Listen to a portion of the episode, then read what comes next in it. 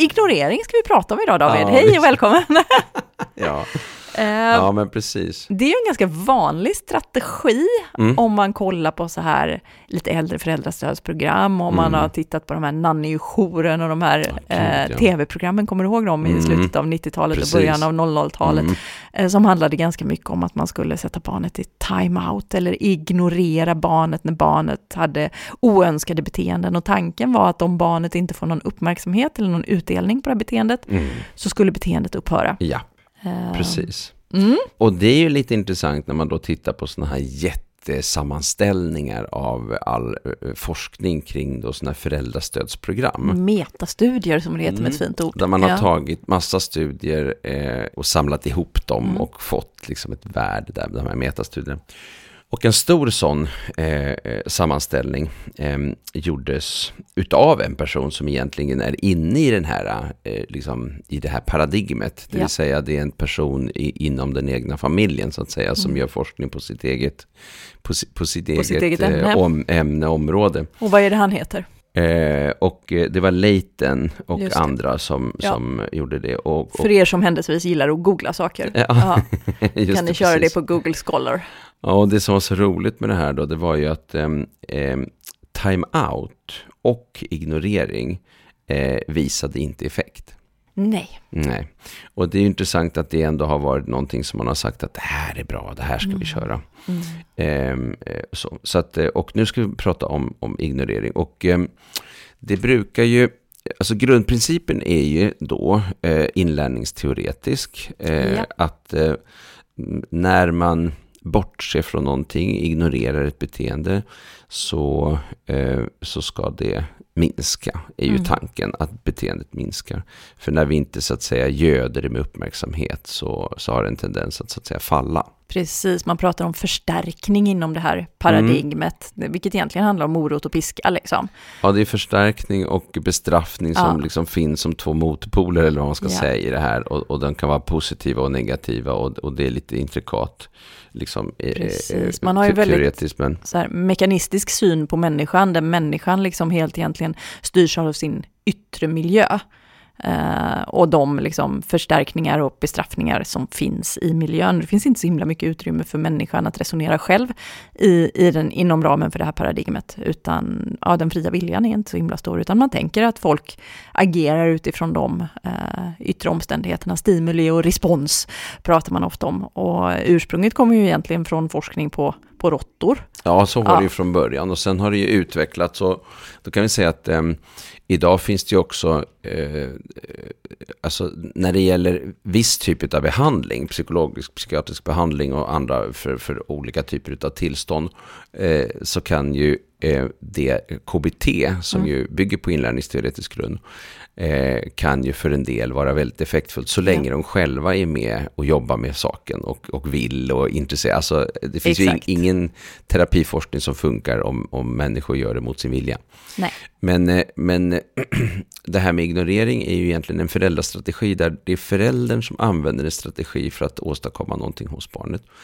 Och ehm, eh, här kan vi ju liksom, dissekera vi det här lite, så dels visar ju då forskningen här att det har ganska väldigt lite stöd. Eh, men det är också så att eh, det är fortfarande använt som någonting som, alltså folk får råd om att Ah. de ska bortse från, från, Mm. från och använder det som en, som, som en aktiv strategi. Ja. Eh, och det knepiga med det som en aktiv strategi, förutom att det inte ger effekt enligt forskningen, eh, är ju också att det kan ha direkt skadlig effekt. Ja, Och det är det vi tänkte att vi skulle också kika lite grann på. Ja. Vad är det egentligen som står i det där? precis. Och jag tänker att en sak som jag reagerade för tidigt när jag, när jag hörde om det här som strategi, det var ju liksom hur gör vi skillnad på om man ignorerar ett barn eller ett beteende? Ja, och den är så intressant tycker jag, för vuxna pratar ofta om att ja, men jag ignorerar inte barnet, jag ignorerar bara beteendet.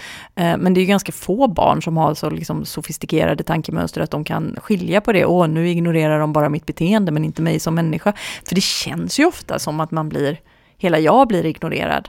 Och sätter man ett barn i time-out så blir ju hela jag ignorera Ja, det, de facto. det är ju liksom. verkligen Ja. eh, eh, illa. Men, eh, och, men, och då används det ju ofta som typ, till exempel, barnet pockar på uppmärksamhet på ett negativt sätt. Mm.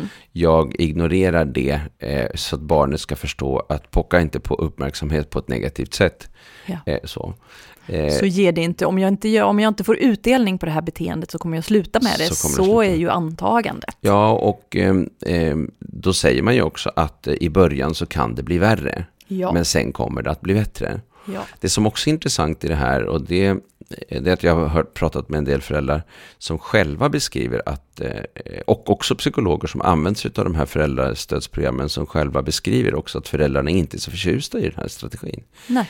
Eh, och det tänker jag är ganska naturligt därför att ignorering är eh, liksom någonting som ligger långt ifrån liksom, Det går emot våra naturliga instinkter, tänker på jag. Något sätt, ja.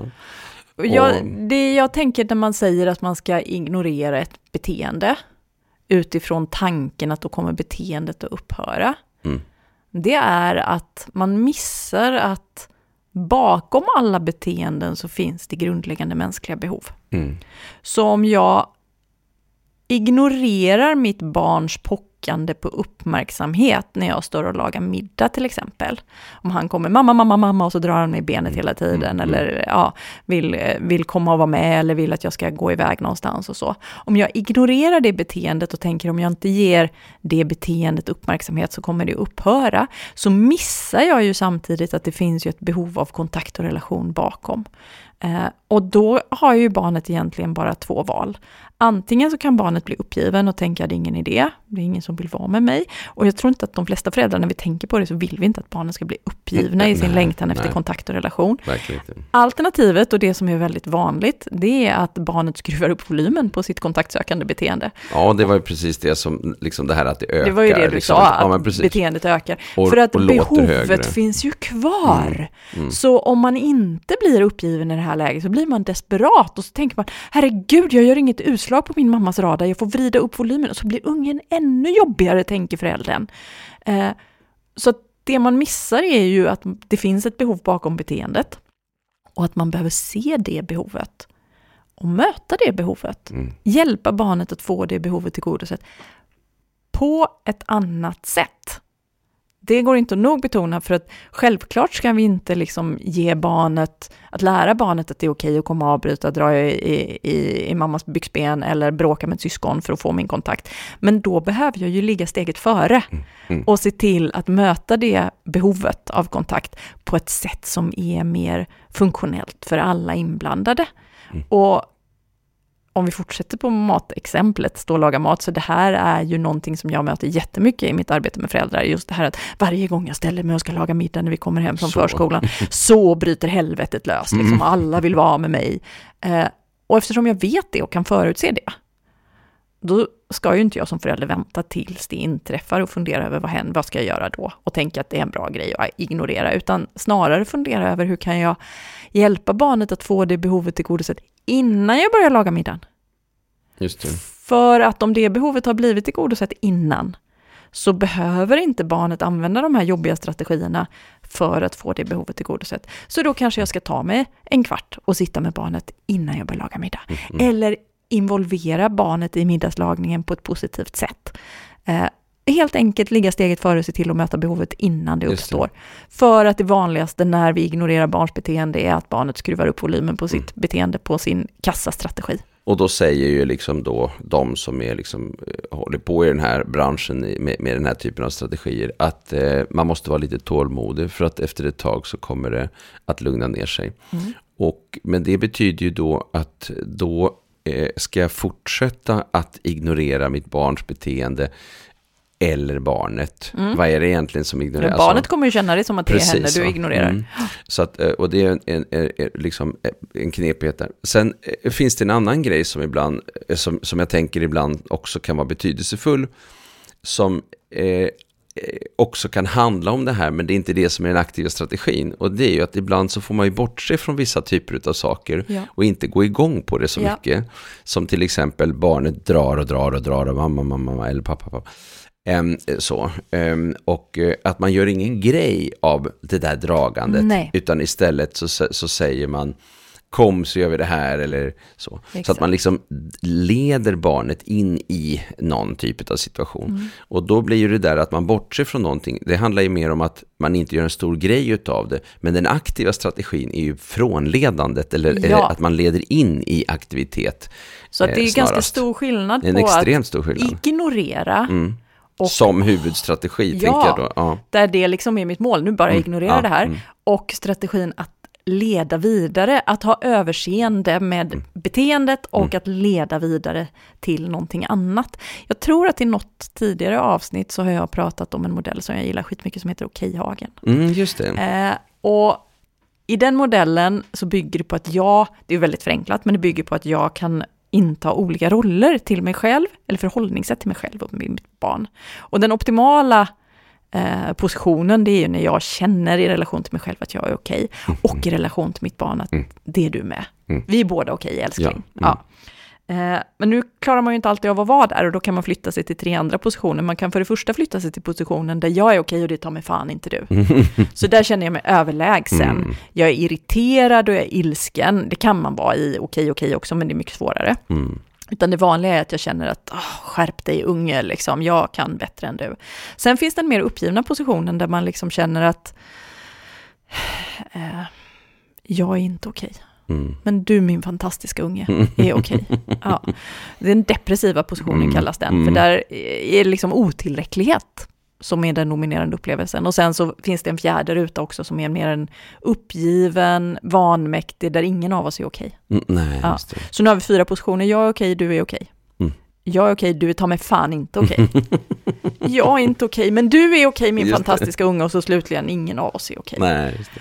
Och jag tar upp den här modellen för att illustrera att när jag ignorerar, då skulle jag säga att då är jag ofta i läget där jag är okej och det tar mig fan inte du Mm, just just nu. Så nu, så länge du håller på så Mm, här så mm. tänker jag ignorera dig Precis. bara så att du vet. Mm.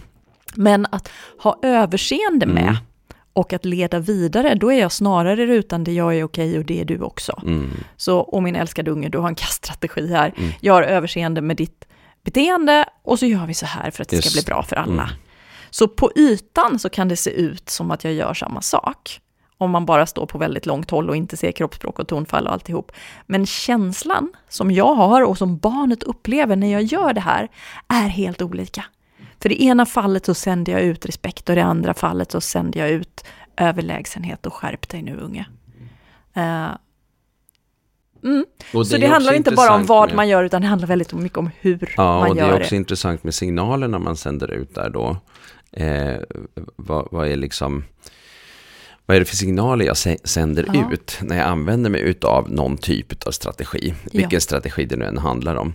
Och där tycker jag att vi har liksom ganska mycket problem eh, med den här. För att eh, vi sänder ju också ut att, att ignorera någon eller något är en strategi som man tycker är okej. Och det vill man ju inte att egentligen att barnet ska använda som strategi gentemot kompisar eller gentemot andra eller saker som händer eller gentemot lärare som, som liksom vill någonting. Eller eller syskon, Eller då går vi igång. som- Men nu, syster pratar ju med dig nu. Ja, men jag tycker hon är dum i huvudet, jag Ja. struntar i henne, men så Mm. kan du inte göra. Nej, så den är jätteintressant. Ja, den är intressant.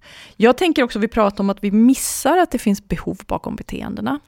Eh, Det andra som vi missar, det är ju att ta hänsyn till barnets förmågor. Ja. Ganska Mm. ofta när barnet inte beter sig på ett sätt som Nej, jag skulle precis. önska, så är det ju för att jag har för höga förväntningar på Mm, mm. barnets förmåga att göra det jag ber om. Man brukar prata om överkrav. Liksom.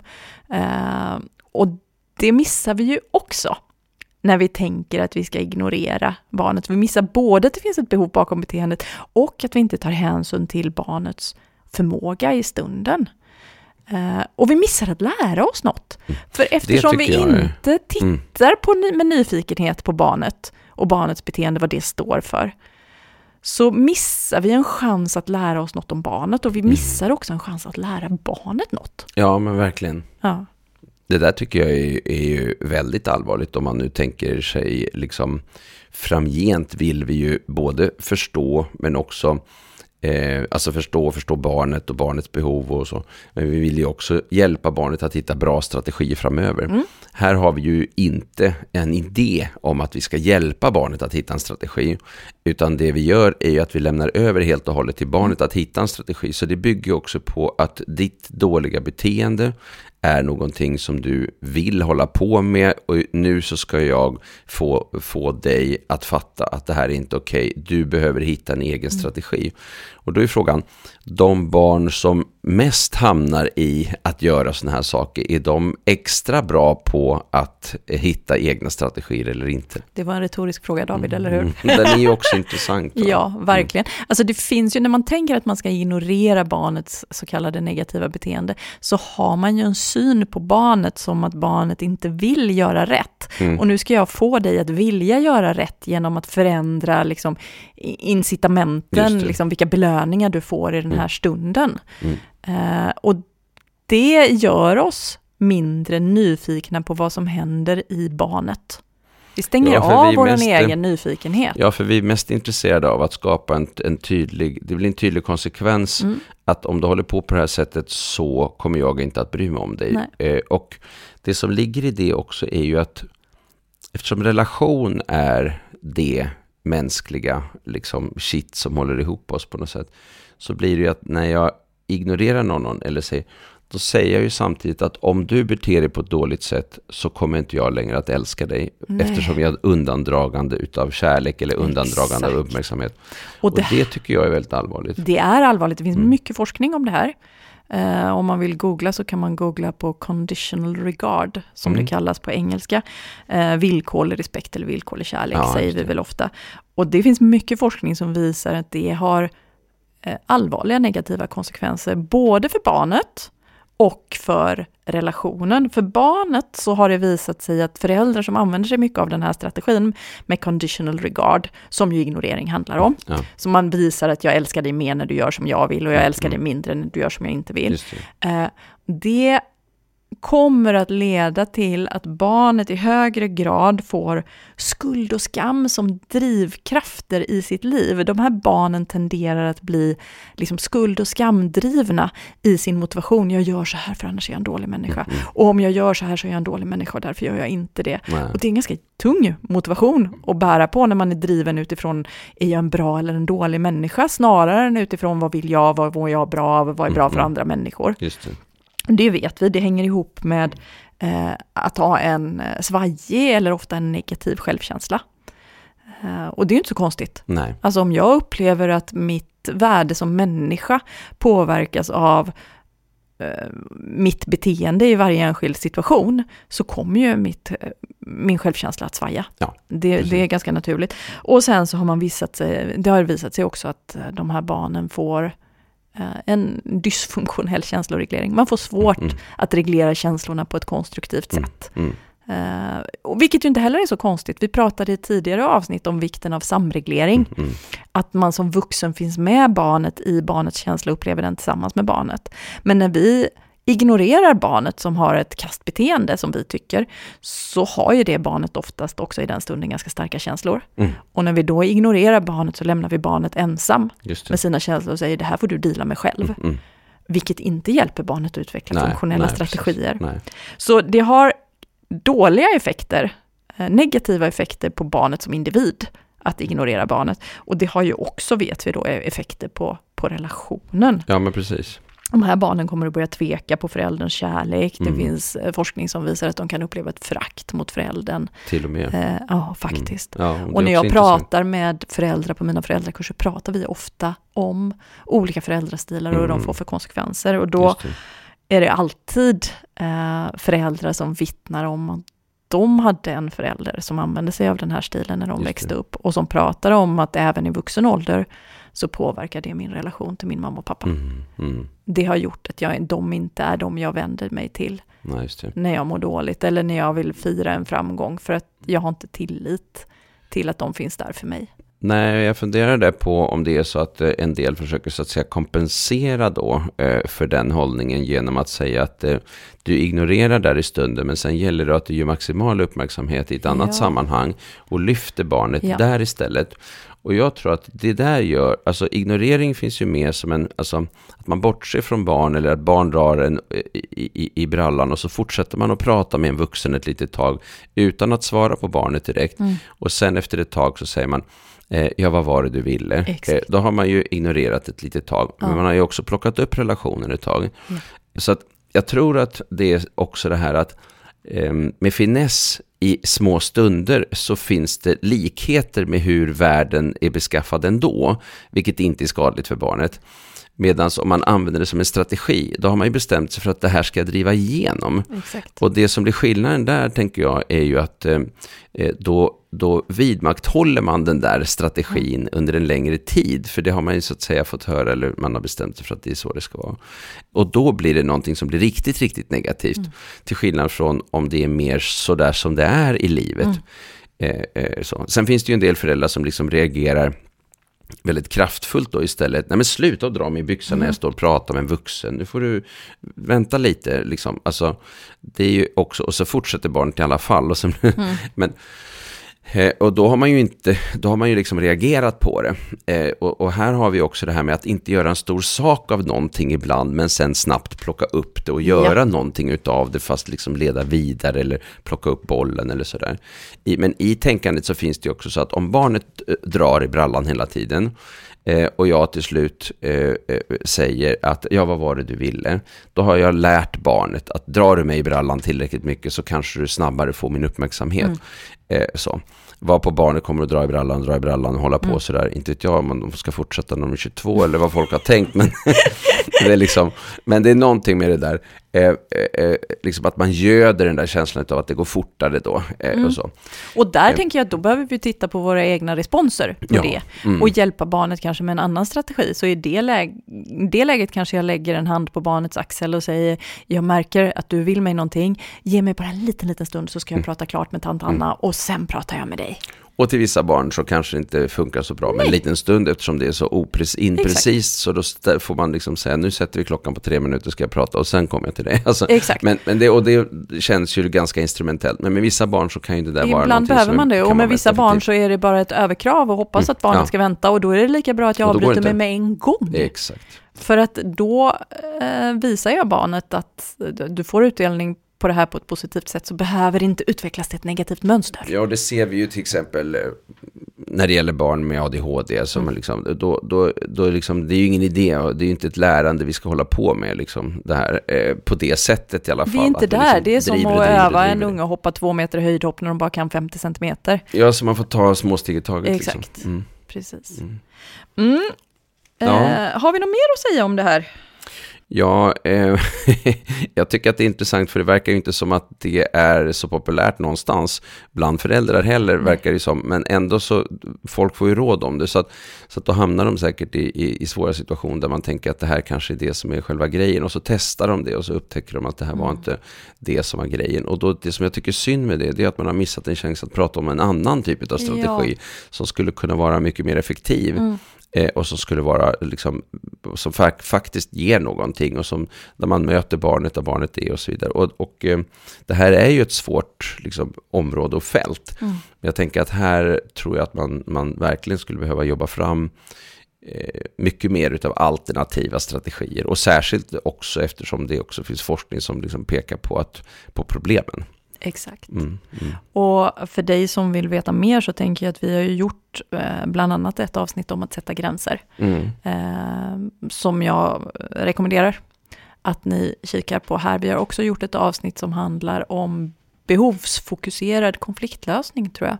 Ganska nyligen som vi gjorde det avsnittet. Eh, där kan ni också hitta ledtrådar till hur gör man istället då, om vi nu inte ska ignorera. Precis, det var ö, den där sista behovsfokuserade, det var nummer 43. Och Ja. eh, den där med, eh, Sätta gränser med ett av sätta de allra gränser första. väldigt eh, Ett av våra tidigt. allra mest lyssnade avsnitt. ja. Det är som att det finns en lockelse hos föräldrar att veta hur man sätter gränser. Eller hur? Ja. Det är den ständiga frågan. Och det, det är faktiskt vårt första avsnitt. Ja, vi började på topp. Vi började där. Ja, det är bra. Det är bra. Ska vi säga tack för idag David? Ja, det gör vi. Det gör Tack vi. så mycket Tack för för idag. idag. Då. tackar. Hej då.